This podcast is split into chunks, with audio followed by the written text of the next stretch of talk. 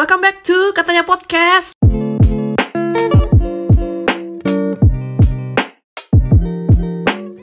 Selamat datang di season 3 di tahun 2022 Selamat tahun baru buat kalian semua. Doa aku buat kalian semua. Semoga yang kalian semoga kan tidak hanya menjadi semoga. Dalam artian impian kalian dapat tercapai satu persatu. Dan ya pastinya doa aku yang baik-baik aja buat kalian semua ya Episode kemarin aku ngebahas alasan kenapa aku nggak buat podcast dalam uh, rentang waktu yang cukup lama empat bulan kalau nggak salah aku nggak buat podcast. Kali ini aku buat episode pembuka untuk tahun 2022 sekaligus new seasons untuk katanya podcast. Yeay, selamat datang semuanya. Kembali lagi aku ucapin selamat datang semuanya di season 3. Makasih yang sampai detik ini mungkin ada yang mendengarkan katanya podcast udah masuk season 3 masih ada yang masih ada apa ya belum banyak yang dengar gak apa-apa yang penting aku di sini uh, menggunakan ruang podcast ini hanya untuk sesi sharing, sesi cerita di saat tidak ada ruang yang ingin didengar. Eh, tidak ada ruang yang mendengarkan aku. Jadi aku menggunakan ruang ini sebagai media cerita aku. ya, aku udah sempat cerita juga kalau di tahun lalu uh, banyak banget pengalaman yang aku pelajari, banyak banget kejadian-kejadian yang aku alami, termasuk sempat kena covid juga, dan ya aku sempat cerita juga kalau mental healingku sama isolasi mandiri itu adalah nonton Thailand series. Dan sejak hari itu juga aku memutuskan untuk memutar setir aku setir perjalanan uh, yang awalnya uh, di dunia bulu tangkis. Sekarang aku agak membelokkan setir aku untuk kepo soal Thailand sebenarnya aku nggak pernah sampai kebayang bakal kepo seluk beluknya biarpun cuma sebatas nonton seriesnya dan karena itu juga yang awalnya aku nggak pernah mau punya Twitter sama sekali aku nggak mau punya Twitter. Sekarang akhirnya aku punya Twitter setelah sekian lama. Mungkin dari bulan apa ya? Bulan Agustus aku mutusin punya Twitter. Karena ya itu tadi idola aku tuh selain main Instagram, dia tuh juga aktif di Twitter ya mau nggak mau untuk tahu uh, berita up to date-nya atau tahu tentang hal-hal yang dia senangi ya aku harus punya Twitter. Taunya semua di Twitter gitu. Hah, emang gitu ya kalau idolanya punya apa jadi pengen juga punya kita. Satu hal yang menarik untuk aku bahas kali ini adalah masalah keberuntungan. Ini agak gak nyambung sedikit dari awal pembicaraan kita tentang Thailand tapi ya nanti kalian bakal paham mengenai penjelasan aku masalah keberuntungan ini Mungkin konteks bagi kalian, ya mungkin keberuntungan itu bermacam-macam bentuknya ya. Kayak cinta dong ya, bermacam-macam bentuknya. Nah, untuk kali ini aku mau fokus ke soal dinotis idola. Ngerti ya dinotis idola itu seperti apa? Direspon gitu loh sama idola. Di Twitter itu banyak banget yang ngucapin selamat kalau ada salah satu uh, temannya itu dinotis idola. Entah dalam bentuk tweetnya di retweet sama idola terus di like sama idola. Bahkan yang paling bikin senang itu kalau idola itu nge-reply mention kita. Itu kayak wah tremor tuh. Terutama kalau yang di notice itu adalah fans dari Indonesia. Bakal rame ucapan selamat dari mutual mutualnya ya kalau bahasa anak Twitter tuh. Mutual. Mutual tuh kayak teman akrab di medsos kalau kalian tanya apakah ada mutual di Twitter? Enggak. Aku juga aku cuma mempergunakan Twitter aku untuk mendapatkan informasi tentang idolaku itu aja sih sama kalau mungkin ada sepintas topik yang menarik itu aku baca kayak thread gitu ya. Thread ya bacaannya ya. Terus yang bikin aku wow. itu ada istilah top spender. Jadi pas aku cari di Google top spender itu apa ternyata top spender itu seperti pem, kayak orang yang boros gitu ya.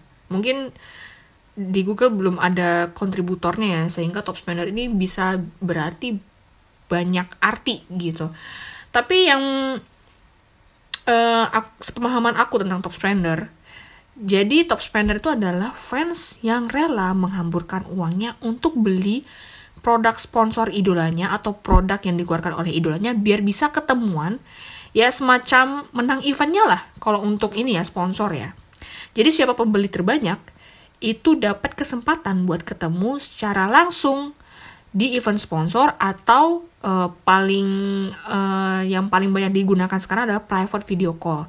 Private video call di sini ngomong secara langsung di depan kamera bersama idola ya komunikasi dua arah lah ya. Menggunakan zoom meeting ada yang juga pakai google meet ada juga yang pakai uh, line. Kalau di Thailand tuh line ya yang paling banyak ya. Aku pernah denger di space atau baca tweet yang lewat gitu aja. Ada yang pernah sampai beli produk sponsor idolanya itu sampai 8 juta 8 juta rupiah ngeluarin duit. Tapi nggak dapet. Ya kesannya ya untung-untungan lah ya. Uh, mungkin ada yang lebih banyak uh, beli produk sponsornya kayak gitu. Jadi ya ya udah nggak dapet gitu. Aku mikirnya setelah dibeli produk sponsornya itu ya 8 juta bro. Sis nggak mungkin dipakai sendiri gitu pasti dibagi-bagi. Contohnya ya kayak misalkan uh, idola aku nih lagi jadi sponsor produk Nivea Micellar Water. Terus uh, fans yang lain tuh beli produknya tuh totalnya harganya 8 juta itu dapat berapa botol cuy? Micellar water doang. 8 juta. Kayaknya bertahun-tahun kalau dipakai sendiri tuh nggak bakal habis gitu. Sampai aku tuh speechless gitu. Sampai segitu loyalnya ya fans-fans mereka tuh sampai ngebeli produk berapa, juta. Dan uh, apa namanya belum tentu gitu loh. 8 juta belum tentu dapet. Iya kalau dapet kalau nggak dapet ya antara nyesek sama oh ya udahlah masih ada kesempatan selanjutnya. Kayak gitu gitu loh. Sultan banget gitu kan kalau bahasanya. Dan orang-orang sana tuh kayak gitu ya segitunya gitu sama idolanya. Mungkin kalau di K-pop mungkin aku udah pernah tahu ya ada yang sampai beli album sebanyak mungkin biar bisa ikut uh, kayak fansign ya fansign. Terus habis itu um, beli banyak album biar bisa masuk Golden Disc Award ya biar uh, penjualan albumnya biar masuk banyak di situ. Sampai berapa ribu sampai berapa juta kopi kayak gitu ya. Ya tapi kalau di Thailand kayak gitu cuy. Idolanya jadi sponsor apa beli produknya sebanyak banyaknya sampai puluh puluhan juta biar bisa interaksi ketemu langsung dengan idolanya. Ya ketemu idolanya tuh ya mungkin foto bersama uh, ngomong secara langsung apa ya kayak event khusus gitu lah yang dibuat sama sponsor. Dan marketingnya menurut aku bagus sekali ya dan tidak cocok untuk aku. Ya aku sebenarnya pengen banget sih tapi ya aku sadar diri aku bukan anak sultan. Kayak ya mungkin kalau di Twitter uh, tweet aku di like aja syukur. Di retweet itu syukur banget. Apalagi kalau sampai dibalas mentionnya tuh bakal seneng banget. Bener-bener seneng banget. Tapi kalau untuk Thailand Thailand Idol belum sih ya. Kalau di Indonesia udah pernah tapi bukan idol ya. Uh, itu udah pernah sampai di like pernah sampai di DM juga pernah sampai di follow back juga. Kayaknya menurut aku itu udah cukup lebih dari cukup sekali. Setelah fans dapat notice itu ada beberapa reply yang aku baca untuk itu, itu ngucapin dari moods moodsnya kalau bahasa sekarang tuh moods ya. Mungkin moods itu adalah uh, kependekan dari mutual. Jadi daripada ngetik mutual mending ngucapin moods gitu. Nah moods moods ini banyak yang ngucapin kamu beruntung banget sih gitu ih kamu selamat ya. Kamu beruntung banget sih. Kayak kayak gitu kayaknya seru banget gitu mereka mereka ya. Kayaknya mereka kisaran umur 20 beranjak 20 dan 21 gitu ya. Makanya euforianya tuh berasa banget. Aku sih sebenarnya aku ucap, ngucapin selamat juga sih tapi ya nggak sampai euforianya benar-benar wah gitu nggak. Terus aku mikir di samping itu aku ngerasa ya juga ya kok orang orang-orang itu beruntung banget gitu loh. Kok aku susah banget gitu buat dapet notice gitu. Setelah lama mikir ada beberapa hal yang bikin aku paham kenapa orang-orang itu bisa beruntung, tapi ada juga hal yang bikin aku mikir, ya itu bukan beruntung cuy, tapi mereka punya duit. itu aku tekankan untuk top spender ya. Ya itu mereka bukan beruntung cuy, tapi mereka punya duit. Kayak 8 juta untuk micellar water. Bagi aku kalau nggak dapet, itu nyeseknya minta ampun. Tapi bagi untuk Sultan, oh ya udah 8 juta, uh, eh, 8 juta ya udah blast gitu aja.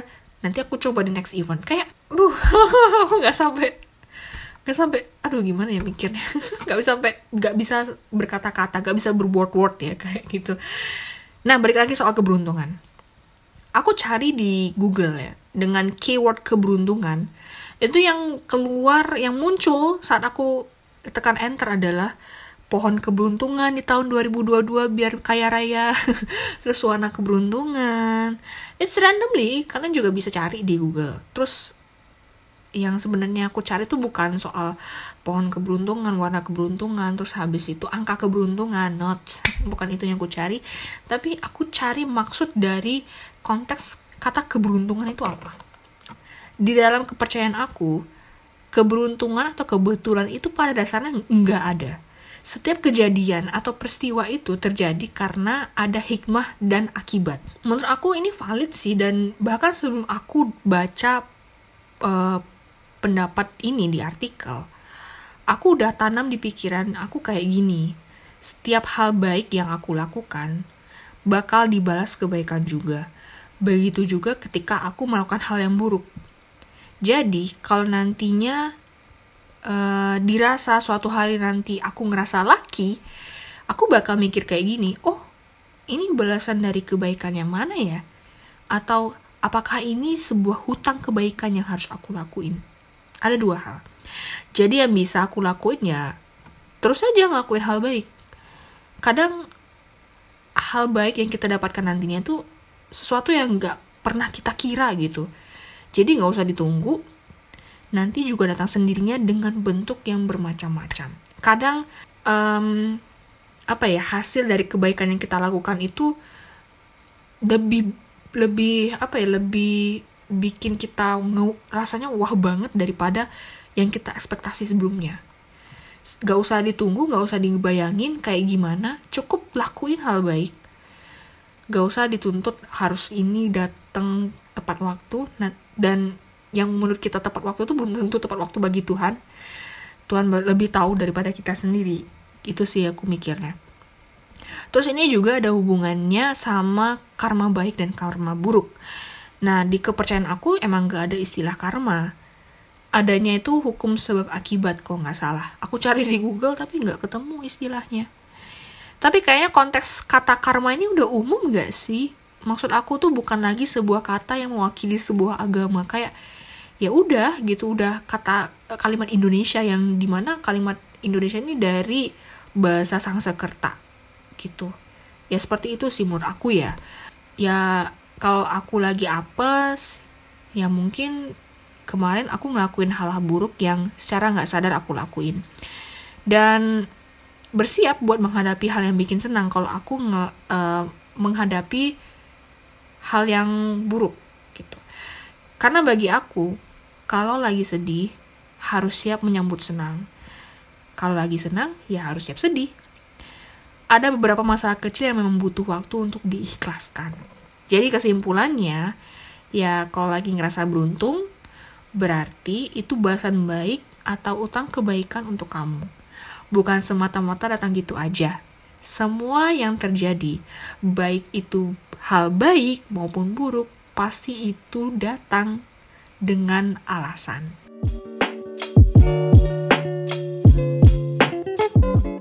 Terima kasih semuanya udah dengerin episode pertama dari Katanya Podcast di season 3 Sekian dulu episode untuk hari ini. Jangan lupa dengerin setiap episodenya dan share ke semua teman-teman kamu untuk dengerin Katanya Podcast. Dan podcast ini bisa kamu dengerin di Spotify, Anchor, Apple, dan Google Podcast. Jangan lupa klik tombol follow biar kamu gak ketinggalan episode Katanya Podcast. Follow juga Instagram podcast aku di @katanya.podcast Sampai jumpa di next episode dan bye-bye